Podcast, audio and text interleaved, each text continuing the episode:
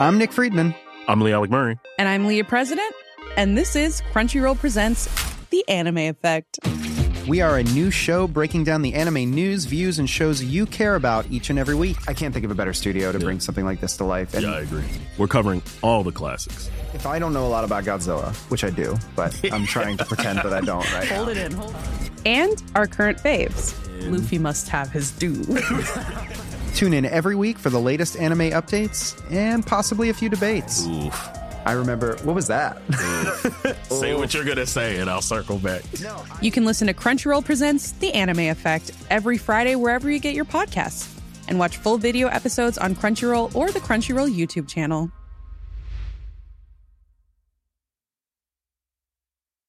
Hey, I'm Ryan Reynolds. Recently, I asked Mint Mobile's legal team if big wireless companies are allowed to raise prices due to inflation. They said yes. And then when I asked if raising prices technically violates those onerous two year contracts, they said, What the f are you talking about, you insane Hollywood ass? F- So to recap, we're cutting the price of Mint Unlimited from $30 a month to just $15 a month. Give it a try at mintmobile.com slash switch. $45 upfront for three months plus taxes and fees. Promo rate for new customers for limited time. Unlimited more than 40 gigabytes per month. Slows. Full terms at mintmobile.com. Och det slutade med att det var en, en björn som första dagen la sig på taket på, eh, på hyttan. Och vägrade flytta på sig.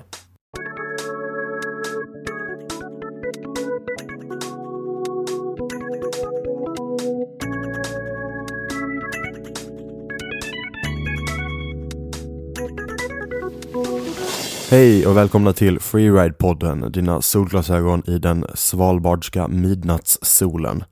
Hoppas allt är bra där ute. Idag ett litet annorlunda avsnitt. Det är nämligen så här att det här med alternativa resmål är något som vi snäppat upp eh, ett allt större intresse för. Ehm, och det finns ju absolut en charm i att slippa undan franska och österrikiska alperna för lite större äventyr. Och sådana äventyr finns det gott om på ögruppen Svalbard. Eh, och bland mörker och isbjörnar finns det nämligen gott om fina berg att åka skidor på. Vi träffade därför Alexander Holmqvist Winge som med ett gäng Svalbard-säsonger i bagaget bjöd oss på en blandning av restips och isbjörnsanekdoter. Mycket nöje! Hur är läget? Ja, men det är bra. Det är lite, lite nyvaken. Men eh, annars är det bra. Ja, fint. Så det ska inte klaga. Kan berätta för lyssnarna att vi sitter här eh, ganska tidig och ganska kall fredag morgon i Stockholm. Eh, hur länge har du varit i Stockholm? Eh, denna perioden har jag varit i Stockholm sedan, eh, ja vad blir det, mitten på september. Så att det har inte varit så jättelänge. Mm. Och hur länge stannar du? Jag stannar faktiskt på söndag. Eh, Så då går flyttlasset upp till eh, Funäsfjällen. Mm. Fint. Är det, blir det hela vintern där? Det blir hela vintern och det blir framöver. Så att det, Ja. det är en, ja, det är indefinitely. Grymt. Så det känns eh, riktigt skönt att få komma tillbaka till, till snön. Jag förstår det. Ja, vad schysst. Ehm, och ehm, jag tänkte kanske bara så att vi kör rakt på. Eh, att eh, du kan få presentera dig själv och eh, varför vi vill intervjua dig. Ja men precis. Ehm, Alex Holmqvist Winge. Ehm, och jag tror väl själv att eh, lite anledningen är att ehm, dels att jag har bott fyra år uppe på, uppe på Svalbard. Med allt vad det innebär. Och varav en, en längre av den period av den tiden så, så jobbade jag även med, eh, tillsammans med Salmon då, eh, som, eh, ja, men som produkttestare och lite ambassadör för deras Mountain Collection då, som de släppte för, för två säsonger sedan.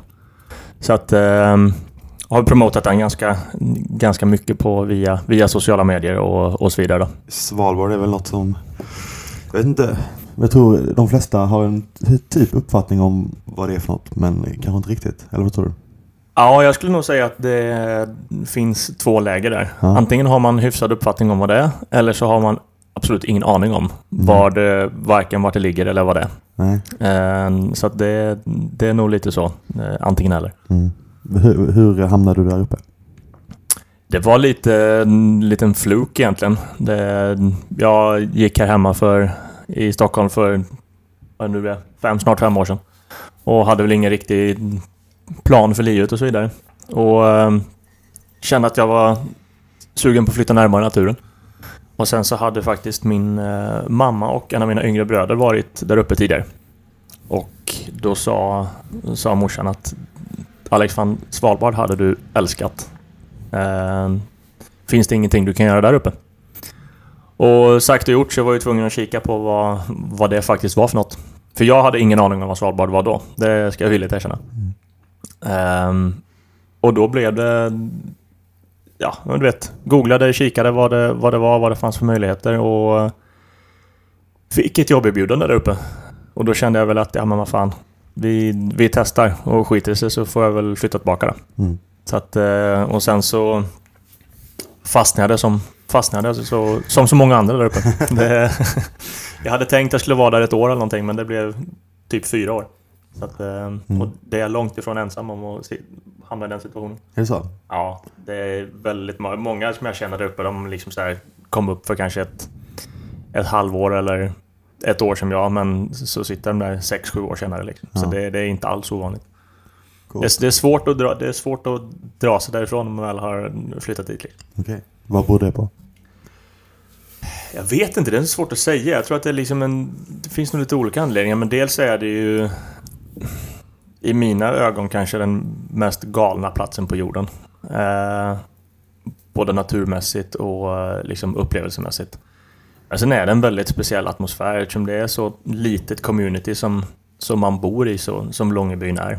Eh, så blir det som en enda stor familj. Så det är en extremt speciell känsla att bo där. Det är väldigt familjärt, det är väldigt tryggt. Ehm, Det är... Ja men det är liksom så. Småstadskänsla i kubik verkligen. Det, man känner allt och alla. Det, man, man vet var allt och alla befinner sig och sådär. Så att det, det är väldigt enkelt och bekvämt. Jag tror, jag tror att det är som lockar många också. Mm. Jag förstår, det låter lite som typ egentligen samma sak som lockar till, eller som lockar folk att stanna kvar i, i vilken säsongsort som helst. Men, men jag kan tänka mig att det blir eh, ja, remote i kubik. Liksom. Ja, verkligen. Det, sen så ska man ju inte sticka, sticka under stolen med att det, med tanke på de skattefria reglerna och så vidare så är det ju, finns det ju vissa ekonomiska fördelar att bo där också. Det ska man ju inte sticka under stolen med. Men eh, det, Okej, så det är en liten, eh, det är Norge som har fixat det där ja, det är ju Norge men det är det är en egen liten skattefri eh, zon om man säger så. så att det är, de har ju har det rätt bra förspänt där uppe. Okej. Tips till alla lyssnare. Ja, Eh, precis. Man behöver inte lägga pengarna på eh, Cayman Islands. Liksom. Man kan dra till Svalbard och tjäna Ja, pengar. istället. definitivt. Det är en billig sprit och eh, billiga grejer. Bra kombo. Men eh, okej, kan- om du ska berätta kort. Vad, vad är Svalbard för någonting? Svalbard är... ehm, vad ska man säga? Ja, det är en väldigt nordligt belägen ögrupp. Eh, som... eh, eller Spitsbergen heter väl... Eh, det, Svalbard är ju eh, samlingsnamnet. Eh, Spitsbergen heter ju eh, ön som är bebodd. Och sen... Ehm, och Långebyn då, som är den bebodda delen av, eh, eh av ön. Eh, den stora bebodda delen. Ehm, är ju världens nordligast belägna fungerande samhälle. Eh, Det finns ju nordligare belägna byar om man säger så, men det här är den nord- världens nordligaste fungerande samhälle som verkligen har en full samhällsstruktur med allt vad det innebär. Liksom. Mm. Jag, när jag gjorde min snabba research igår så landade jag på en eh, Wikipedia-sida som Mm. heter List of Northernmost Items. Eh, och jag Ja. tror att det är några, sva, några Svalbard, eh, Svalbard, Svalbard-älskare som har varit inne och pillat lite på den för att det finns väldigt många saker som är det norraste Ja. i hela världen på Svalbard tydligen. Väldigt många som lever på den marknadsföringen. Ja. Världens nordligaste pub, världens nordligaste bryggeri, Ja. eh, allt vad det nu är. Att det, det, ja. Kan ta bankomat Mm. och skola också faktiskt. ja, precis. Det är en bra marknadsföringsgrej. Jag tror inte att alla de där grejerna stämmer, men det, det ska, det ska låta det vara osagt. Ja, det får ni göra. Um, Okej, och så att Svalbard är egentligen en ögrupp typ ungefär mittemellan Nordkap och Nordpolen kanske? Ja, det, det ska man kunna säga. Och det är ju, det ligger jävligt mycket längre norrut än vad många tror. Det är, många tror liksom att Lofoten är, är långt. Men har du kommit till Lofoten så har du en och en halv timme med, med flyg till. Så att jag kikade på det att kom, flyger du från Stockholm lika långt söderut som du flyger norrut för att komma till Svalbard så kommer du till typ eh, Liberia. Oj. Så det är rätt långt. Jävlar. Så det, är- det, det är mycket längre än man tror. Och ehm, ja, vad finns det mer och vad gör man på Svalbard? Vad gör man på Svalbard? Man... Eh, väldigt beroende på säsong. Men eh, jag, åk, jag åkte ju dit för, för skidåkningen. Men eh, skidåkningen blir större och större. Eh, men det är fortfarande eh, turismen som, som drar dit lockar ju med skoterturer, eh, hundslädar, vandring på sommaren och sen så olika typer av eh, båtexpeditioner egentligen. Eh, stora, lite nästan kryssningsbåtar men även små eh, ribb eh, fjordbåtar liksom. Så att det, det, fin- det finns att göra, absolut. Ehm, men som sagt, eh, man kan åka skidor också. Och Man kan ju det. det har du gjort. Det har jag gjort. Ja. Eh, hur är skidåkningen på Svalbard? Väldigt, väldigt speciell. Eh, dels på grund av den kanske uppenbara anledningen att det finns ingen form av liftsystem överhuvudtaget. Vilket, ja nu ska vi faktiskt inte ljuga. Det finns en liten barnlift inne i byn. Men eh, utöver det så är det helt liftfritt. Så har jag, får jag, slipper få massa arga, arga mejl därifrån. Eh, Kanske världens nordligaste barnlift också. Garanterat. säkert. Garanterat. Det står faktiskt ingen skylt om det, men det kanske man ska Ja. fixa. ja, vi får fixa det. Ja. Nej, men i övrigt så är det ju väldigt, väldigt speciellt för att alltså, hela, hela ön är ju eh, alpinterräng, eh, mer eller mindre. Och eh, det gör ju att det finns oändliga möjligheter verkligen. Eh, bor du inne i byn så går det bokstavligt talat att ta skidorna på ryggsäcken och hajka upp bak, liksom på baksidan. Eh, om man känner för det efter jobbet. Liksom. Så att det, det finns väldigt mycket men det handlar ju hela tiden om att eh, ta sig upp för egen maskin. Så att alltså, tur, turåkningen och toppturerna är ju det som är väldigt, väldigt... Mm, säga? Det är det det handlar om. Ja. Och eh, Det finns en del berg där du kan köra skoter upp men det, är liksom, det handlar om att... Det, handlar, det, det är hudar eller eh, stegar som gäller. Liksom, och det, och jag, jag gillar det. det. Sen så vet man också att de flesta ställena där du där du klättrar upp eller där du går upp, där är du, det är inte många som har varit där tidigare. Och på de flesta ställen är du, är du först. Och det är, Alltså den här first descend-känslan, den, den är trots allt lite speciell. Eh, det är den. Coolt. Hur är det? Det är ju mörkt en väldigt stor period av året där. Mm. Eller hur? Ehm, hur funkar det med skidåkningen? Det blir ju såklart lite svårare. Ehm, det är ju mörkt typ fem månader. Från slutet på, ja, mitten på oktober till mitten på februari. Så är det ju verkligen becksvart. Ehm, så de här liksom långa ehm, skidturerna eller liksom mer expeditionsturerna, de, de blir såklart färre och svårare att göra i mörkertiden. Men annars så ehm, så åkte vi faktiskt en hel del även under mörkertiden. Då. Självklart med, med pannlampor och, och så vidare. Och det är jag kan nog tycka att det är de, de mest speciella turerna. Eh, man får tänka lite extra. Man får eh, så att säga, ta det ett steg till. Och eh, det blir det är en väldigt, väldigt, väldigt, speciell känsla. Så att de, de, de turerna ligger nära om hjärtat. Även om det är många som liksom kanske inte riktigt ser skärmen i det. Men det, jag tror att man behöver ha, ha varit med några gånger på, på det så tror jag att man fattar det. Så. Om man ska åka en vecka eller två veckor till Svalbard för att tura. När ska man åka då? Eh, början, på maj, början på april till mitten på maj. Absolut. Ja. Eh, då är det oftast mycket snö. Eh, det är ljust hela tiden. Och det är inte sådär svinkallt liksom. Mm. Det, kommer man tidigare så är det alldeles för... Sorry. Eh, alldeles för väderosäkert. Oftast riktigt jävla kallt. Liksom. Så att ehm, det... Som i påskas, när i, nu i år i påskas, då låg ju påsken ganska tidigt. Eh, då låg den ju någon början på mitten på mars där. Och då var det ju, då var vi faktiskt ute på en tre, fyra dagars eh, skidtur och bodde i tält och eh, klättrade berg och åkte skidor. Och eh, det var ju aldrig varmare än minus 35 liksom. Det var minus 40 på nätterna. Det var... Då var man inte Ja. svinhäftig. Mm. Det, men sen kommer man, in- kommer man in i april-maj sen så är det humana temperaturer och riktigt skönt. Schysst. Hur är det med isbjörnarna? För att de, eh, det har väl blivit lite som eh, en, en annan turistattraktion om man ska säga. Eller i alla fall något som sätter det på kartan. Att det finns mycket isbjörnar på Svalbard. Stämmer det? Och hur måste man förhålla sig till dem när man åker? Ja, det stämmer ju definitivt. Ehm, det är väl en sån här klassisk siffra att det finns fler isbjörnar än eh, människor på, på Svalbard. Och den, den, den siffran eh, stämmer vad jag, så, så vitt jag vet. Ehm, och jag vet inte om man ska säga att det är en turistattraktion, men definitivt som du säger så sätter ju det på, på kartan, det gör det. Um,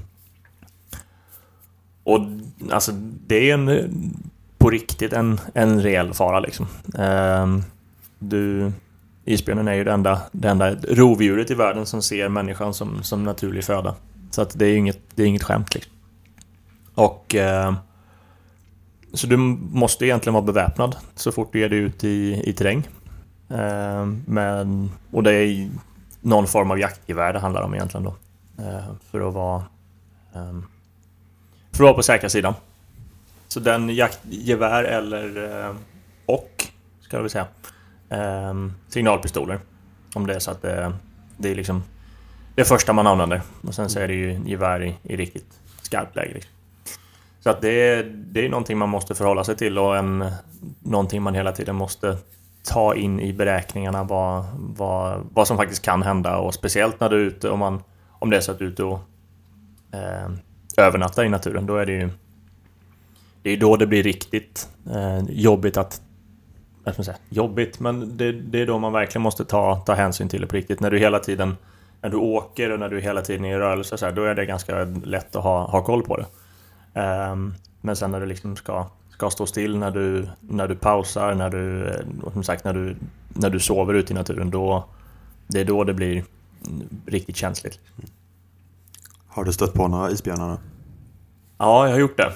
Ehm, lite så här halv... På väldigt nära håll också egentligen. Eh, jag tänkte säga ett halvt close call, men det... Vi hade faktiskt egentligen just sånt läge när vi sov ute i naturen, dock i, eh, i en liten stuga, eller hytta som de säger i Norge.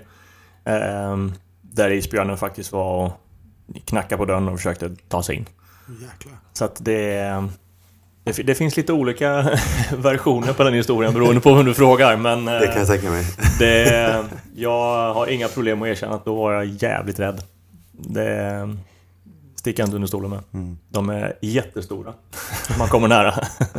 Hur, eh, hur löste det sig? Ja, vi jagade bort den med x antal signalskott och ljud och skrik och hopp. Så att till slut så, så stack den iväg, men det, det tog en stund. Jävlar. Då, att, eh, ehm, hur lång tid tog det innan ni vågade er ut ur stugan? Det gick ganska fort innan vi vågade oss, eh, vågade oss ut. Eh, men det var ändå med ganska stor försiktighet. Vi, vi ville nog mest försäkra oss om att han, att han hade stuckit iväg. Liksom. Vilket, han hade, vilket han hade. Men då ville vi faktiskt eh, så säga, försäkra oss om att det, att det inte... Kanske även att det inte var några fler, men lite sådär. Så att... Eh, Ja, den han, eh, han förstöra min skoter och välta Oj. eh, kompisens skoter och så innan han stack iväg också. Så att de, Jävlar. Vilken en sån här... Här rovdjursinstinkt. Liksom. Man brukar ja, det är lite surrealistiskt. Ja. Det låter som en sån här hittepåhistoria när man berättar det. Jag hör ju det själv. Men eh, det... Som sagt, de är sjukt smarta. Björnarna och hittar de dörrar, så, de, vilket de ofta gör, Mm. så tar de bilden, fattar de att de kan ta sig in. Liksom. Jävlar. Det låter som en, låter som en film. Ja, men lite så. Det hade nog kunnat bli en ganska bra film av det någon gång. Um, kan jag tänka mig, finns det mycket Mycket isbjörnshistorier på byn. Det gör det. Ja. Det finns väldigt många isbjörnshistorier av olika slag. Ehm, och jag tror ärligt talat att de flesta är sanna. Även om en del av dem låter helt bananas. Så eh, jag tror jag faktiskt att många av dem stämmer. Det, ja men en sån här grej, det var, det var nog faktiskt, det var i påskas också faktiskt. Så hade de, var det några som var ute på en annan hytta eh, än den vi träffade Björn på. Då var de fyra stycken in i en hytta som inte rymde mycket mer än fyra personer och två sängar. Och det slutade med att det var en, en björn som första dagen la sig på taket på, eh, på hyttan. Och vägrade flytta på sig. Vilket innebar att de satt fast. De vågade inte gå ur hyttan på fyra dagar. På, under hela påsken så satt de fast där inne för de vågade inte gå därifrån. Jävlar. Så att de satt inne i den här lilla... Och de hade liksom planerat hur mycket grejer som helst. De hade kite, liksom kiteskärmar och skidor och eh, allt möjligt med sig. Men de satt inne i den här lilla 10 kvadratshyttan i fyra dagar. Så att de var inte supernöjda dagen efter. Det är liksom när de kom tillbaka men samtidigt är det så här, Det händer liksom inte. Det händer bara där. Och det låter ju... Alltså det låter ju så hittepå så det finns inte men alltså... Jag har svårt att tro att det inte stämmer. Mm. Nej, nej, nej. Jag hör dig. Jag kommer ihåg eh, när vi var där, det var några år sedan men då fick vi höra någon historia ute på byn liksom. Att det var om någon snubbe som hade de hade blivit överrumplade i sitt tält när de sov och sen eh, så hade, ja, historien var väl så gott som att den ena, det var två killar och den ena hade skjutit isbjörnen medan han typ hade den andra killens huvud i käften och sånt där. Ja, vi har hört något, någon liknande Ja. version av den historien också. Det, de fick, jag vet inte, men det, det var ju även faktiskt under den här solförmörkelseperioden så var det några som, var, som råkade ut för någon liknande grej. Som där björnen bokstavligt talat gick rakt in i tältet och slet ut en av, en av de som sov där inne. Så de fick skadeskjuta björnen och senare eh, avliva den. Då. Men där var ju, de hade ju gjort alla fel som, som fanns. Liksom. okej. De, hade ju, de fick ju väldigt mycket skit. Eh, och de fick ju faktiskt ganska höga böter också eh, i efterhand för att de hade ehm, ja, missat alla säkerhetsdetaljer helt enkelt. Så det var inte så konstigt att, eh, att de råkade ut för vad de faktiskt råkade ut för. Det var ju, alltså, det var ju buffé för björnen, så enkelt var det. Ja. Ehm, så han, ehm, när de kom tillbaka till byn sen efter att ha legat på sjukhus och sådär så det var många ställen de inte var välkomna på. Oj, Ja, ja. Det var, det var ställen där de inte fick komma in och det visar också lite på hur, hur vilken respekt man har för björnen. För det var liksom många som sa det var, det var fel individ, om man nu kan räkna björnen som individ, som blev eh, avlivad som många sa. Det hade varit bättre om han, de som faktiskt inte följde reglerna som gäller där ute, eh, hade strukit med. Det är jävligt hemskt att säga och det är kanske ingenting man ska stå för men det, det var många som hade den uppfattningen. jävlar. Ja men det är, ja, man ska respektera djuren också. Ja, men lite så. Och det, jag tycker det är också en ganska cool grej med Svalbard att man Många inser att det är faktiskt på naturens villkor. Det är många som som, verkligen- som på riktigt genuint har den, den uppfattningen och den eh, approachen till, till naturlivet där uppe. Att det, det är, vi är liksom inte störst där uppe på något sätt. Utan det är, det är björnarnas land och det, det, det är lite så det är. Och det, den, den respekten är... Den, den, jag, jag gillar den. Den är ganska cool. Ja. As a person with a very deep voice, I'm hired all the time for advertising campaigns. But a deep voice doesn't sell B2B, and advertising on the wrong platform doesn't sell B2B either. That's why, if you're a B2B marketer, you should use LinkedIn ads. LinkedIn has the targeting capabilities to help you reach the world's largest professional audience. That's right, over 70 million decision makers all in one place. All the big wigs, then medium wigs, also small wigs who are on the path to becoming big wigs. Okay, that's enough about wigs. LinkedIn ads allows you to focus on getting your B2B message to the right people. So, does that mean you should use ads on LinkedIn instead of hiring me, the man with the deepest voice in the world?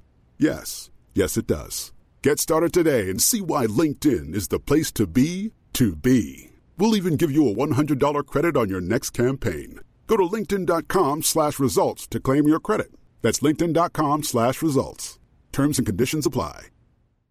The number one selling product of its kind with over 20 years of research and innovation. Botox Cosmetic, out toxin A, is a prescription medicine used to temporarily make moderate to severe frown lines, crow's feet, and forehead lines look better in adults. Effects of Botox Cosmetic may spread hours to weeks after injection, causing serious symptoms. Alert your doctor right away as difficulty swallowing, speaking, breathing, eye problems, or muscle weakness may be a sign of a life threatening condition. Patients with these conditions before injection are at highest risk. Don't receive Botox Cosmetic if you have a skin infection. Side effects may include allergic reactions, injection site pain, headache, eyebrow and eyelid drooping, and eyelid swelling. Allergic reactions can include rash, welts, asthma symptoms, and dizziness. Tell your doctor about medical history, muscle or nerve conditions, including ALS or Lou Gehrig's disease, myasthenia gravis, or Lambert Eaton syndrome and medications, including botulinum toxins, as these may increase the risk of serious side effects. For full safety information, visit BotoxCosmetic.com or call 877 351 0300. See for yourself at BotoxCosmetic.com.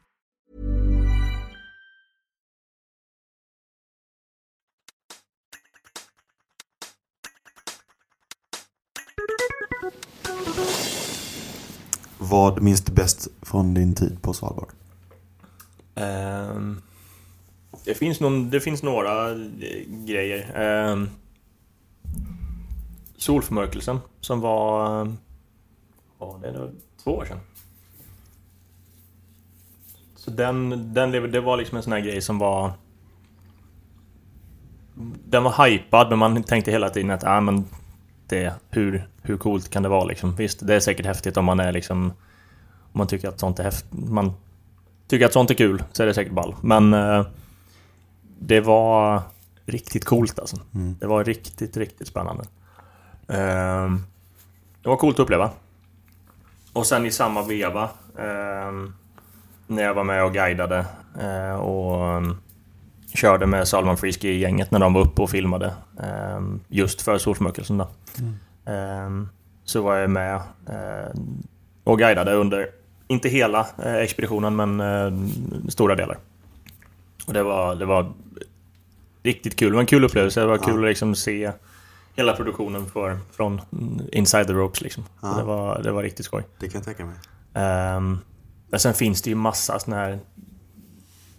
Det, det finns ju massa turer som man har gjort där uppe som liksom etsar sig kvar och det är svårt att liksom välja ut någon Ja. specifik av dem. Liksom. Men det finns, ehm, det finns många. Och sen men självklart isbjörns eh, grejen, den, den glömmer man inte heller i första taget. Tills man sticker, även om inte den är skidd i alla fall. Okej, men ehm, är det någonting mer du vill tillägga om eh, Svalbard? Eller är det något du vill prata om? Åk dit! Det, ja, men på riktigt, det, har man inte varit där så, eh, så tycker jag att man ska åka dit. Det är... ehm, det är jättelätt att sitta och förklara och liksom försöka skapa en bild av hur det, hur det är där uppe och det, man kan titta på bilder och så vidare på, på nätet. Och, men det, det går inte att förmedla och förklara den känslan som faktiskt är där uppe. Eh, det är en annan...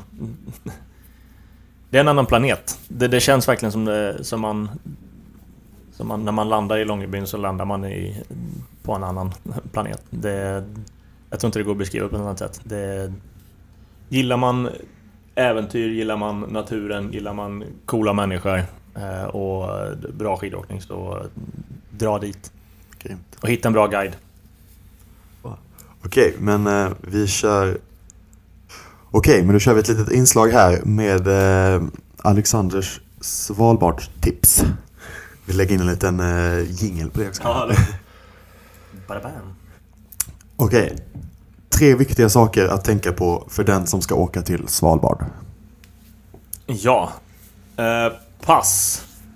Man lämnar faktiskt eh, Norge, man lämnar EU och det är en egen taxfree-zon så därför måste man ha pass. Det är många som har gått på den niten. Eh, se till att skaffa en bra guide om ni ger, ger er ut i... eh, Eller om man ska ge, ge sig ut i, i naturen. Hur, hur får man tag på en bra guide? Det finns jättemånga bolag där uppe som eh, man kan hyra guider av. Både per timme eller per dag eller det finns till och med privata guider som man kan, som man kan hyra. Ehm. Och sen kläder efter väder på att säga. Men det, det, låter, det låter ganska tråkigt men det, det kan bli riktigt, riktigt svinkallt där uppe. Det, och det ska man faktiskt inte bortse ifrån. Mm. Det är ganska många Nej, som kommer dit och tror att det är vinter liksom. Men mm. det, det blir riktigt, riktigt kallt när det är kallt där. Mm. Um, nice. Då tackar vi för dem. Det var pass, bra guide och eh, kläder efter väder. Vilket ja. är minus 40 ungefär. Ja men typ. Det händer. Ja. Um, Okej, okay, nästa fråga.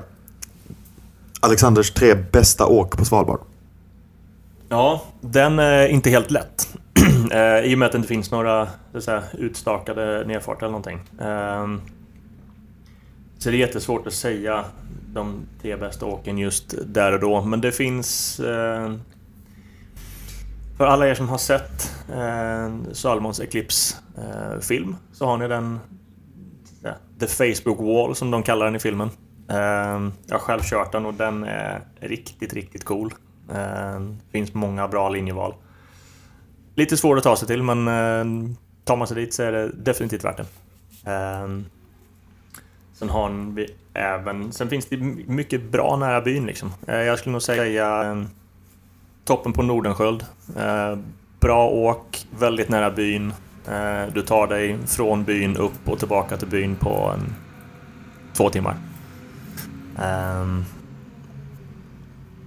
sen är det lite svårt att utnämna ett tredje. Det finns många alternativ men det, det finns egentligen inget jättebra svar på, på den. Men de, de två sticker ut och sen så får man nog leta sig fram till sina egna favoriter tror jag. Kan ta Barnbacken som tredje. Ja men precis.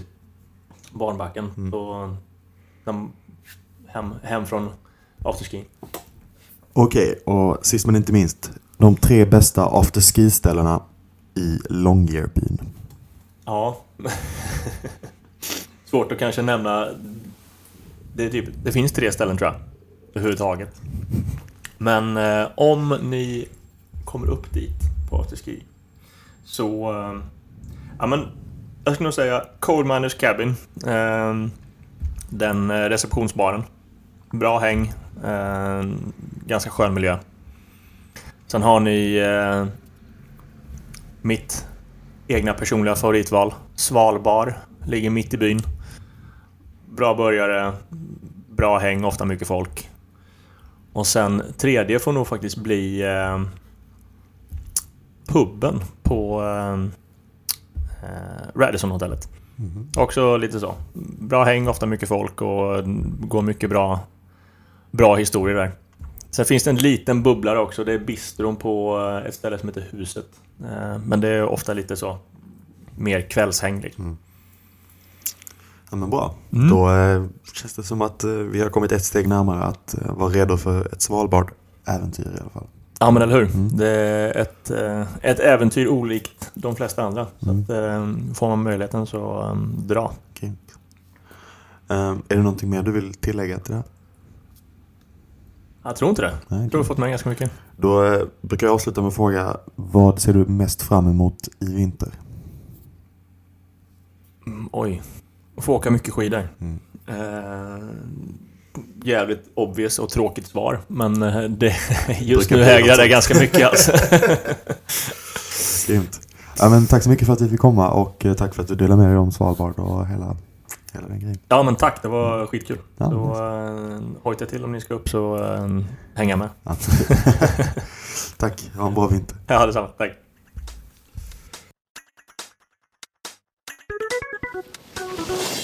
Tack för att ni lyssnade på Freeride-podden om Svalbard. På freeride.se podden har vi samlat länkar och videos som Alexander tipsat om. Ha det gött. Hej!